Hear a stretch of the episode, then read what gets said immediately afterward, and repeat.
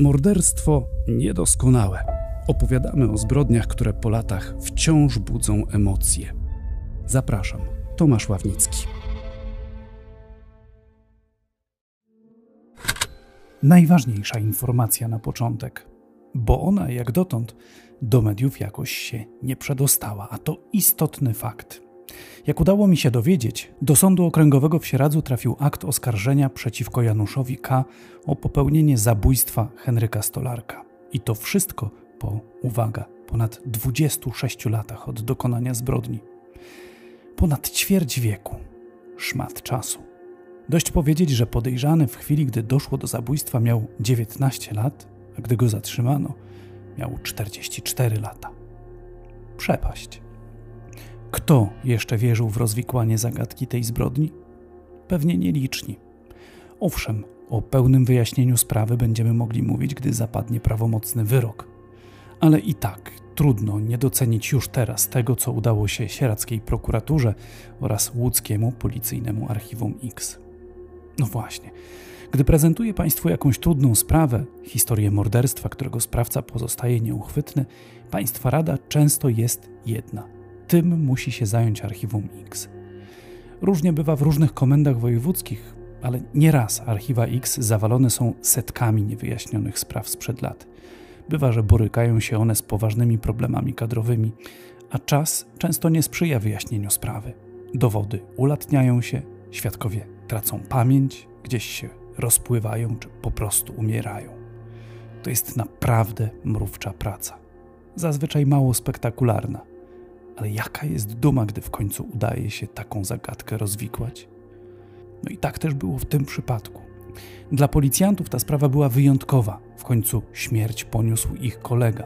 Zamordowany został wyjątkowo brutalnie. Prasa wówczas, od razu uprzedzam, pełna była drastycznych opisów. Oprawcy znęcali się nad policjantem. W końcu zadali mu cztery śmiertelne ciosy w tył głowy – Cząstki czaszki i mózgu rozprysnęły się po masce samochodu i jezdni. Mordercy przewieźli ciało samochodem i zatopili w stawie. Ta wyjątkowo makabryczna relacja bestialskiego mordu znalazła się na łamach Ekspresu Wieczornego z 28 marca 1994 roku. Ofiarą był starszy sierżant Henryk Stolarek. Miał 38 lat, mieszkał we wsi Dębołęka z żoną i dwójką dzieci. Komisariacie w Brzeźniu pełnił służbę na stanowisku dzielnicowego oraz nieetatowego zastępcy komendanta tej jednostki. Pierwsza połowa lat 90. dla policji to był straszny czas. Kadrowo przetrzebiona, notorycznie niedofinansowana, właściwie cały czas w tyle za rosnącymi w siłę grupami przestępczymi. Poczucie bezpieczeństwa w społeczeństwie było wtedy nikłe. A jak mogło być inaczej, skoro sami policjanci nie czuli się bezpiecznie? Powiedziałem o niedofinansowaniu i kadrowych brakach. To oczywiście dziś tylko gdybanie po latach, ale można by przypuszczać, że gdyby nie to, funkcjonariusz Henryk Stolarek by żył.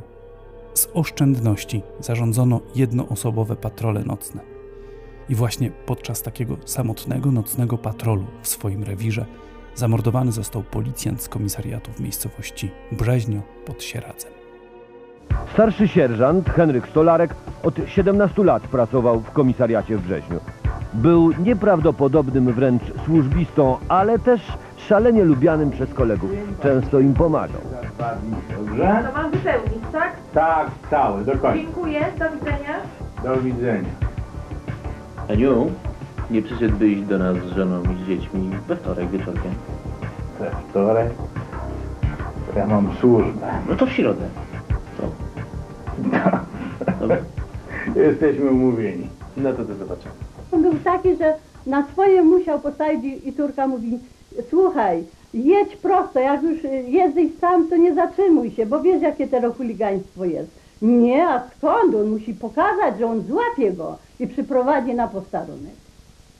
O, on chciał mieć wyniki takie, że on, on mówi, musi złapać. To fragment magazynu kryminalnego 997 wyemitowanego w telewizyjnej dwójce w roku 2000, czyli 6 lat po zabójstwie policjanta.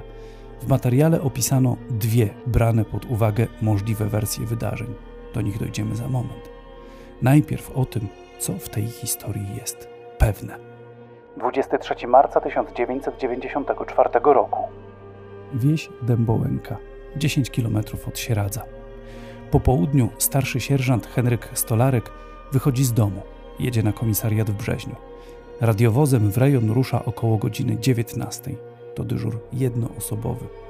Stolarek sam polonezem krąży po okolicy. Wiadomo, że co najmniej do godziny 24 patrol przebiegał bez przeszkód. Jak udało się ustalić, około północy w Brzeźniu funkcjonariusz zatrzymał do kontroli drogowej malucha. Co działo się potem?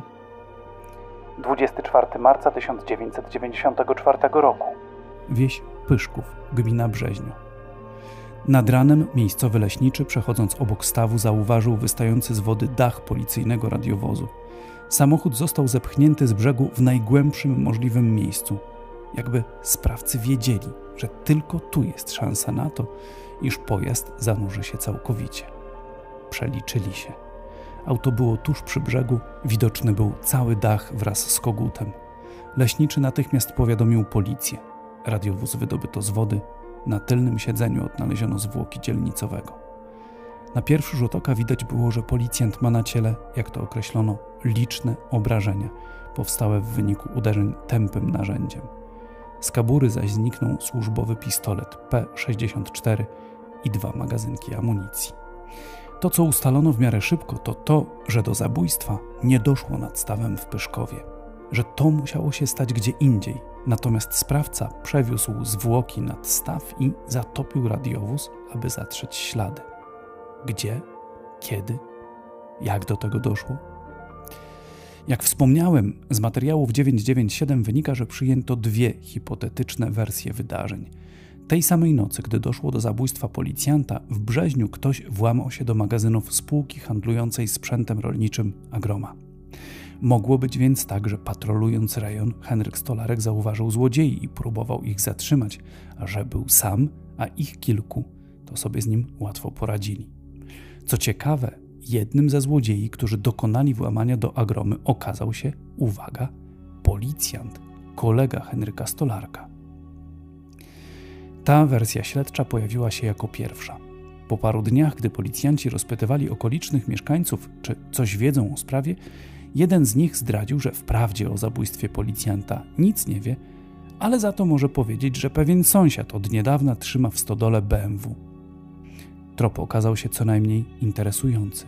Wyszło bowiem, że samochód ten został skradziony sprzed jednego z łódzkich hoteli dokładnie tej samej nocy, gdy zamordowano Henryka Stolarka. No i dziwnym trafem został odnaleziony w stodole we wsi Stefanów Barczewski, 3 kilometry od miejsca znalezienia ciała policjanta. Oto co prawdopodobnie stało się w nocy 24 marca 1994 roku.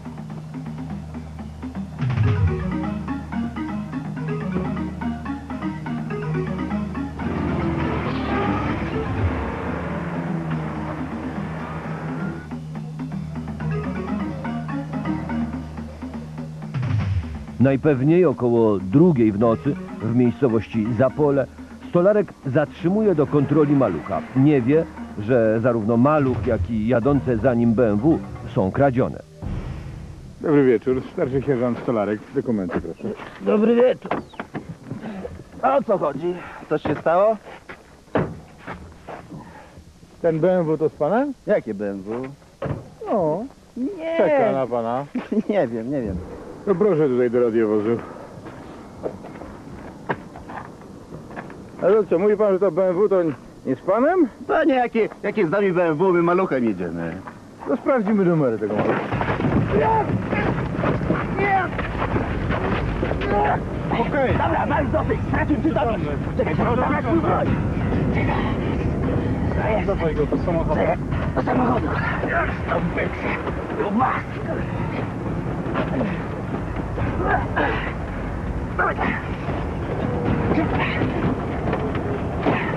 Policjant traci przytomność. Sprawcy trzema samochodami odjeżdżają z Zapola w kierunku Barczewa.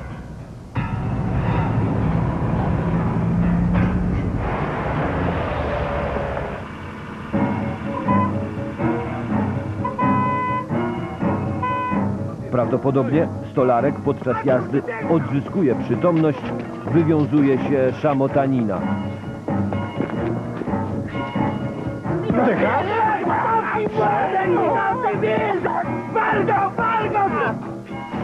Co? Teraz z nim? Jak to co? Do radiowozu i trzeba coś z nim zrobić. I tak pojawiła się myśl, by radiowóz z ciałem policjanta zepchnąć do stawu, a kradzione BMW umieścić w stodole u kolegi. Czy tak to właśnie wyglądało?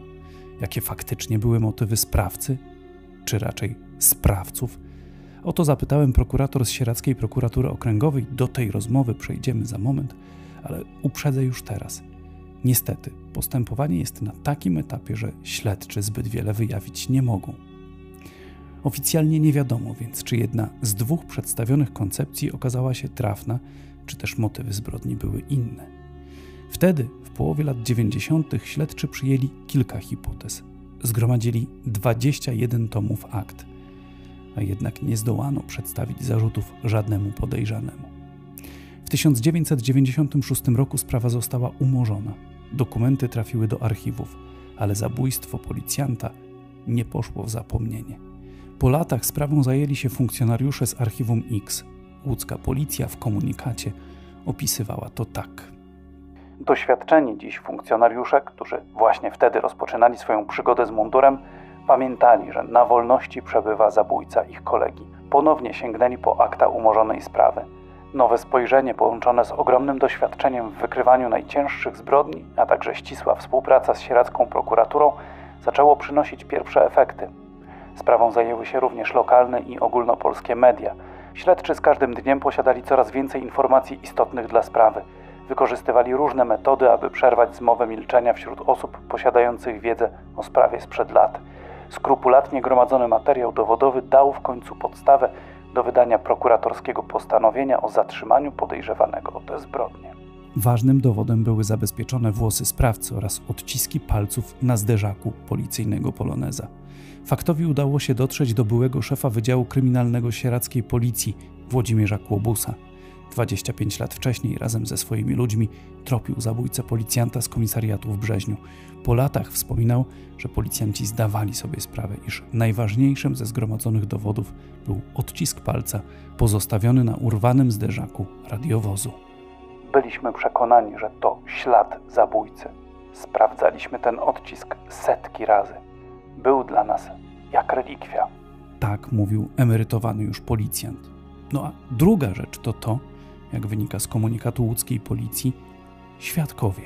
Ćwierć wieku temu z różnych względów nie chcieli powiedzieć wszystkiego, co wiedzieli, a po latach to, czego się wówczas bali, nie miało już takiego znaczenia, albo po prostu wyrzuty sumienia przez ten czas jednak nie dawały spokoju. Jak ustalili policjanci, jednym ze sprawców zabójstwa był najpewniej Janusz K., mieszkaniec wsi Zapole, ale jednocześnie dość często przybywający w Pyszkowie, bo grający w tamtejszym klubie piłkarskim. W przeszłości był notowany za inne przestępstwa. Jak ustalono, od kilku lat pracował w Niemczech na budowach. Policjanci mieli go na oku. Gdy dowiedzieli się, że będzie wracał do kraju, tuż przy granicy z Niemcami, doszło do zatrzymania. 2 sierpnia 2019 roku. Godzina 5.30. Na stację benzynową tuż przy zachodniej granicy, w okolicach Zgorzelca, zajeżdża Mitsubishi z trzema osobami w środku. Jedną z nich jest Janusz K. Policjanci z Wydziału Kryminalnego Komendy Wojewódzkiej w Łodzi dokonują zatrzymania. Na materiałach udostępnionych przez policję widać, że mężczyzna jest kompletnie zaskoczony. Czekaj, zatrzymam się. Tuba.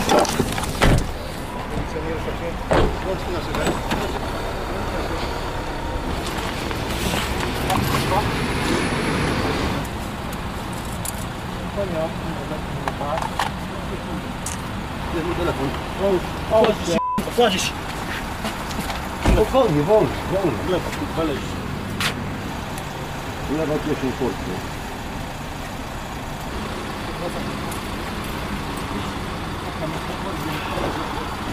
Tak na razie, na pewno.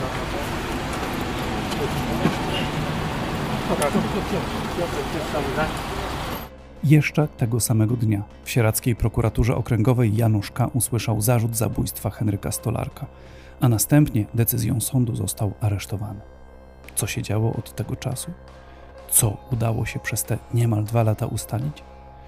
Z tymi pytaniami zwróciłem się do rzecznik prokuratury okręgowej w Sieradzu. Czynności procesowe związane z zatrzymaniem podejrzanego odbyły się zgodnie z procedurą mm, postępowania karnego i w tym momencie y, cały materiał dowodowy został zgromadzony tak, że został skierowany do Sądu Okręgowego w Sieradzu, drugi Wydział Karny, akt oskarżenia o zbrodnię zabójstwa.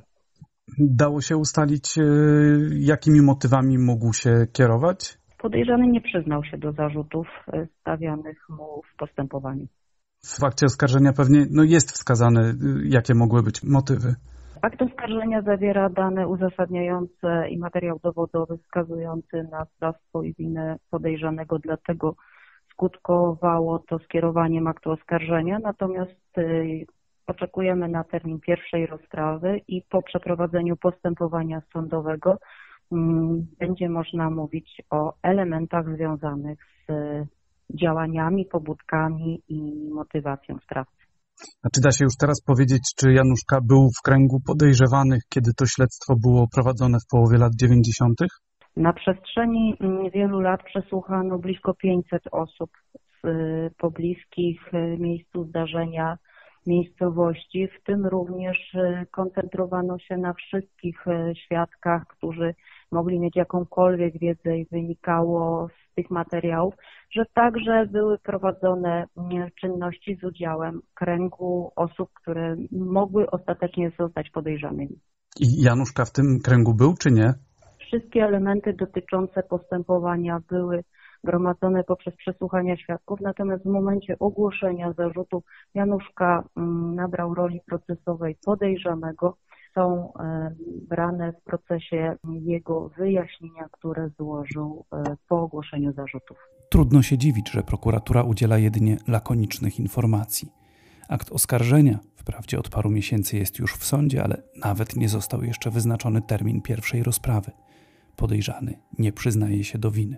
A poza tym na wolności pozostają tacy, którzy chętnie by się dowiedzieli, co wiedzą śledczy. Bo przecież policja nie odpuściła i nadal próbuje ustalić, kto był razem z Januszem K. Czy tam byli jacyś współsprawcy? Bo wiele na to wskazuje, że no, zatrzymany nie działał sam przy tym zabójstwie policjanta.